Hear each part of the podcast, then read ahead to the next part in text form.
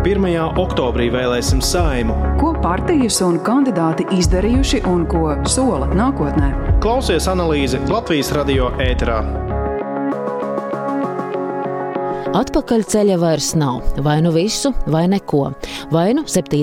oktobrī mēs veidosim valdību, vai arī 7. oktobra rītā es sakrāmēšu čemodānus un ar savu ģimeni pametīšu Latviju. Tā pirms iepriekšējām saimas vēlēšanām intervijā izdevumam Ventspilnieks LV solīja tobrīd jaunā politiskā spēka partijas, kam piedara valsts, jeb KPV LV premjera amata kandidāts Aldis Gobzems. Toreiz viņš ne valdību izveidoja, ne valsti pameta. No Latvijas gobzemes aizbrauca šī gada pavasarī, bet jau drīz atgriezās, lai ar jaunu politisko partiju katram un katrai startētu šajās saimas vēlēšanās. Par to vairāk turpmākajās minūtēs stāstīšu es Gunta Gaidamaviča. Katram un katrai aizsākumi meklējumi 2016. gada pavasarī dibinātajā partijā, kam pieder valsts, jeb KPV LV. Tolaik tās līderis bija Artus Skaimiņš. Aldis Gobzems sākotnēji noliedza savu dalību tajā, taču iepriekšējās vēlēšanās jau startēja kā partijas premjera amata kandidāts. Skaļāko KPV LV solījumu vidū bija gan nodoms likvidēt koalīcijas padomi, gan iecerē pārveidot ministrijas par sekretariātiem. Gobzems arī solīja vērsties vērsties pret vairākiem žurnālistiem, kuri bija viņu kritizējuši. Saimā iekļuva 16 KPV LV deputāti un partija pamatoti varēja cerēt uz darbu valdībā. Pirmajā koalīcijas veidošanas mēģinājumā KPV LV gan netika uzrunāta, bet, kad Jānim Bordānam sastādīt ministru kabinetu neizdevās, kā nākamajam valsts prezidents Raimons Vējonis iespēju deva Aldim Gobzemam. Saskaņā ar Latvijas Republikas satversmi 56. pantu es aicinu Aldi Gobzemu veidot ministru kabinetu. Tas, ko es tev šodien apsolīju, ir, ka visu savu atlikušo mūžu es darīšu visu iespējamo, lai Latvijas tauta dzīvot pārticībā, lai tā dzīvot saticībā un lai Latvija uzplauktu. Tomēr pieredzējušie politikas veterāni Gobzemā cerībām aizlika priekšā kāju, jo viens pēc otra no sadarbības atteicās. Gobzems savu iespēju vēl centās saglabāt, aicinot valdībā bezparteiskus profesionāļus, taču šī iecerē beidzās īsti pat nesākusies. Latvijas Universitātes profesors politologs Jānis Ikstens skaidro. Es domāju, ka viņš gribēja kļūt par valdības vadītāju un arī šie nu, dažādiem manevriem, kas tur notika to dažu dienu laikā, kad viņam šāda iespēja bija, liecināja par to, ka viņš patiešām ļoti vēlas kļūt par teikt, izpildvaras līderi. Bet eh, no otras puses, nu, arī toreiz jau aizkulisēs cirkulēja teikt, ziņas par to, ka diez vai viņam tas izdosies. Citām partijām varētu būt diezgan grūti strādāt viņa vadībā. Un to mēs arī pieredzējām. Pēc Gobzema neveiksmīgā valdības izveidošanas mēģinājuma KPV LV sašķēlās. Vairums bija gatavi darboties Krišāņa Kariņa valdībā, bet daļa, tostarp Gobzems, balsoja pret jaunās vienotības vadīto valdību, frakciju pameta un visus četrus gadus nostrādāja opozīcijā. Es domāju, tas bija cilvēcisks aizvainojums par to, ka viņš netika apstiprināts šajā amatā. Viņš bija ļoti vīlies. Un uh, droši vien arī apvainojies uz uh, nu, potenciāliem koalīcijas dalībniekiem un vienkārši negribēja vairs ar viņiem nu, sadarboties. Jā. Viņš varbūt tur cerēja uz kaut kādu nu, teikt, atgriešanos Baltā zirgā, bet nu, tas nekad nenotika. Viņš droši vien gribēja būt ministra kabineta vadībā izjust cits starpā arī šī amata ne, posmi, bet es pieņemu, ka viņš bija gatavs tikai pirmajam amatam. Viņš nebija gatavs kaut kādam ministram, ierīnas deputātam. Tas bija acīm redzot viņam par sīku. Vēlāk no frakcijas tika izslēgts arī otrs partijas līderis Artus Skaimiņš un KPVLV popularitāte strauji kritās. Gan Eiropas parlamenta, gan Rīgas domas ārkārtas vēlēšanās partija savāca tikai vienu procentu vēlētāju balsu.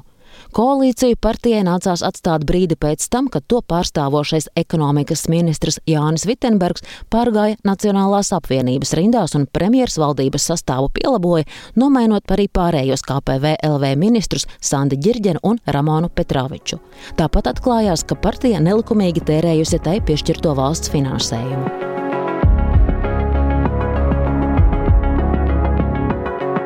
Nedēļas ar KPV LV nebija šķērslis Aldim Gobzemam kļūt par vienu no aktīvākajiem debatētājiem no saimas tribīnes. Covid-19 pandēmijas sākumā Gobzems kritizēja valdību par nepietiekamiem ierobežojumiem slimības apkarošanā un cilvēkus par viegparātību.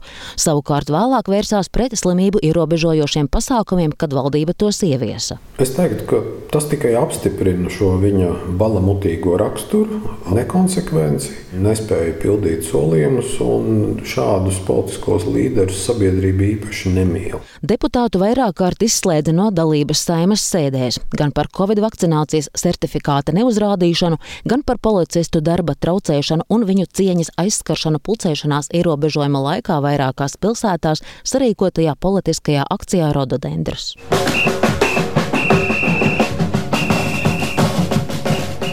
Arī šoruden Gobzemam ir aizliegts piedalīties sešās saimas sēdēs par to, ka bijis rupjš pret deputātu Sandi Riekstiņu, nosaucot viņu par kretīnu.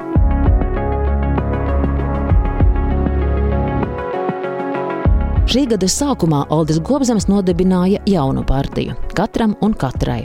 Šī būs Gobzema otrā partija. Līdz tam viņš sabiedrībā bija vairāk pazīstams kā advokāts, arī pārstāvot Zoletūdas lielveikalu sabrukšanas traģēdijā cietušos un solot Latvijas vēsturē lielākās kompensācijas. Tomēr pievēršanās politikai acīm redzot liedza Gobzemam kvalitatīvi pildīt advokāta pienākumus. Īsi pirms iepriekšējām vēlēšanām tiesa nolēma atstāt bez izskatīšanas triju traģēdijā cietušo prasības, jo Gobzems atkārtoti neieradās uz tiesas sēdi. Gobzems neierašanos dēvēja par pārpratumu. Kalendārā tāda ziņa nebija, jo es esmu, jau man bija pagājušajā nedēļā saruna ar tiesas sekretāri, un, kur man zvanīja un teica, ka sēdes ir nopietnas līdz kaut kādam datumam, kurus tad no galas neatceros. Tāpēc es arī droši vien pārpratnos kaut kā. Bet prasība ir izbeigta par atkārtotu neierašanos. Tu jūs vairākas reizes varētu būt neieradies uz šo tiesu. Man ir grūti pateikt, kas tur ir. Nu, iepriekšējais es noteikti esmu bijis. Ir kaut kādas reizes, ka es dzīvē neesmu bijis arī uz tiesas sēdi. Bet, nu, Tur notiek pārpratums, jo nu, to viss atrisinās. Gobzems lēmumu pārsūdzēja, bet arī to tiesa noraidīja, jo advokātam nesot bijis ordera, kas apliecinātu viņa tiesības pārstāvēt lietā iesaistītās personas. Kļūstot par saimas deputātu, Gobzems lietas nodeva kolēģiem, jo likums liedz apvienot advokātu un deputāta darbus. Traģēdijā cietušo biedrības valdes locekle Aļona Burve Želotkova toreiz mēdījiem pauda, ka advokāta pievēršanos politikai cietušie vērtē kā nodevību. Viņa arī apgalvoja, ka Gobzems uz krimināllietas tiesas sēdēm nesot nācis pat pusotra gada, atstājot cietušos bez interešu pārstāvja.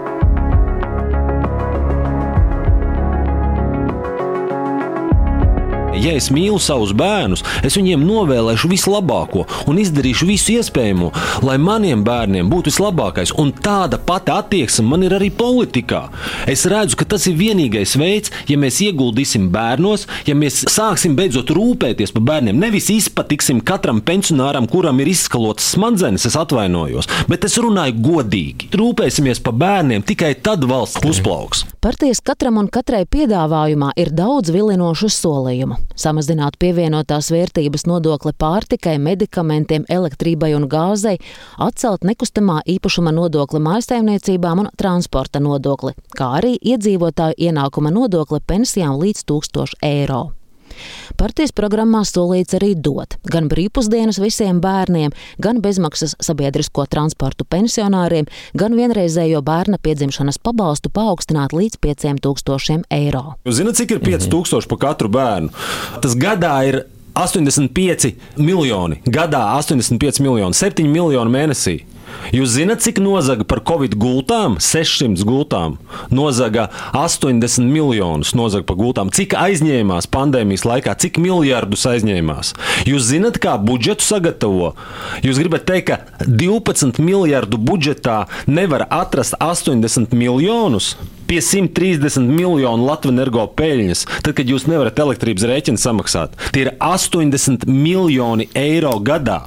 Valstī tas nav nekas, bet katrai māmiņai katrai māmiņai. Tas ir mežonīgs atbalsts. Turklāt tā nauda pirmajā mēnesī atnāk atpakaļ. Ir jānopērk bērnu ratiņi, ir jānopērk bērnu drēbītes, ir eh, jānopērk bērnu pārtika. Tas viss atnāk budžeta atpakaļ. Caur PVN tas atnāk atpakaļ. Tas atnāk atpakaļ pilnībā. Tā nauda netiek aizvesta projām.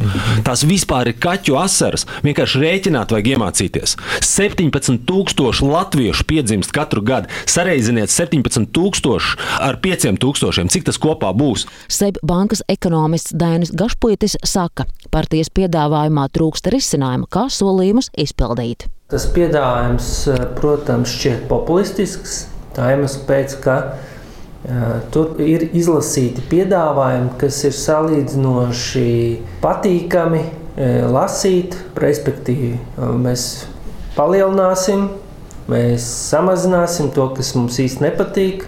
Respektīvi, izlasītas tādas lietas, kas nu, salīdzinoši labi ir komunicējamas, bet, ja skatāmies ekonomikā, tad, protams, ir arī ne tikai patīkamās lietas jādara, bet arī daudz nepatīkamās lietas, kuras šajā ziņā, kā piedāvājums, iztrūkst. Respektīvi, kaut vai piedāvājot risinājumus tam, kas tad vai ar ko tiks kompensēti, piemēram, nodokļu samazinājumi respektīvi arī kur tiks ņemti ieņēmumi, lai daudz ko palielinātu. Tā lieta iztrūkst.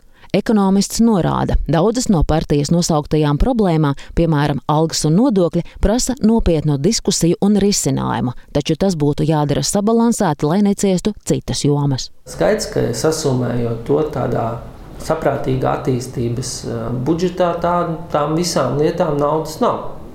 Bet populisti var teiksim, kaut kādas lietas mēs redzam arī pasaules valstīs, citās, kad tās lietas, nu, teiksim, autoritāram teiksim, līderim patīkams lietas tiek atrastas un īstenotas. Tas bieži vien notiek pamatā, tas notiek uz citu sabiedrības grupu rēķina. Ja. Ekonomiski skatoties, galvenais secinājums tas ir sasumējot, izskatās pārāk labi, lai tā būtu īstenība.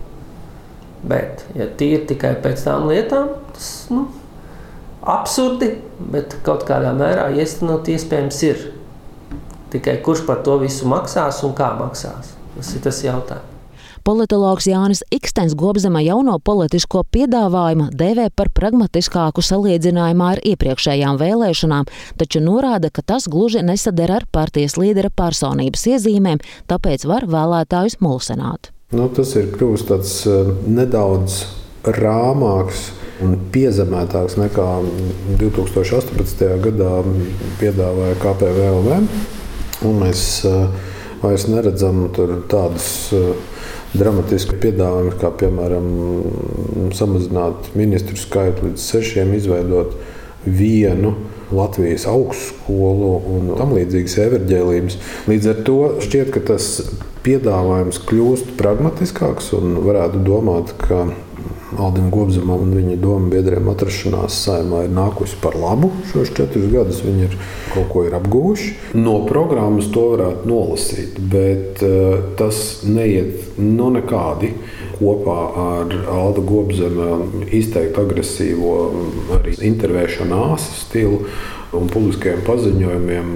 Tas, uh, es domāju, rada tādu nu, ārkārtīgi nedrošu sajūtu par to, kas šī partija patiesībā ir un cik lielā mērā tā ir atkarīga no teiksim, Alda Gobzema kaut kādām tur, eh, iegribām vai kaut kādiem jūtu uzplaiksnījumiem.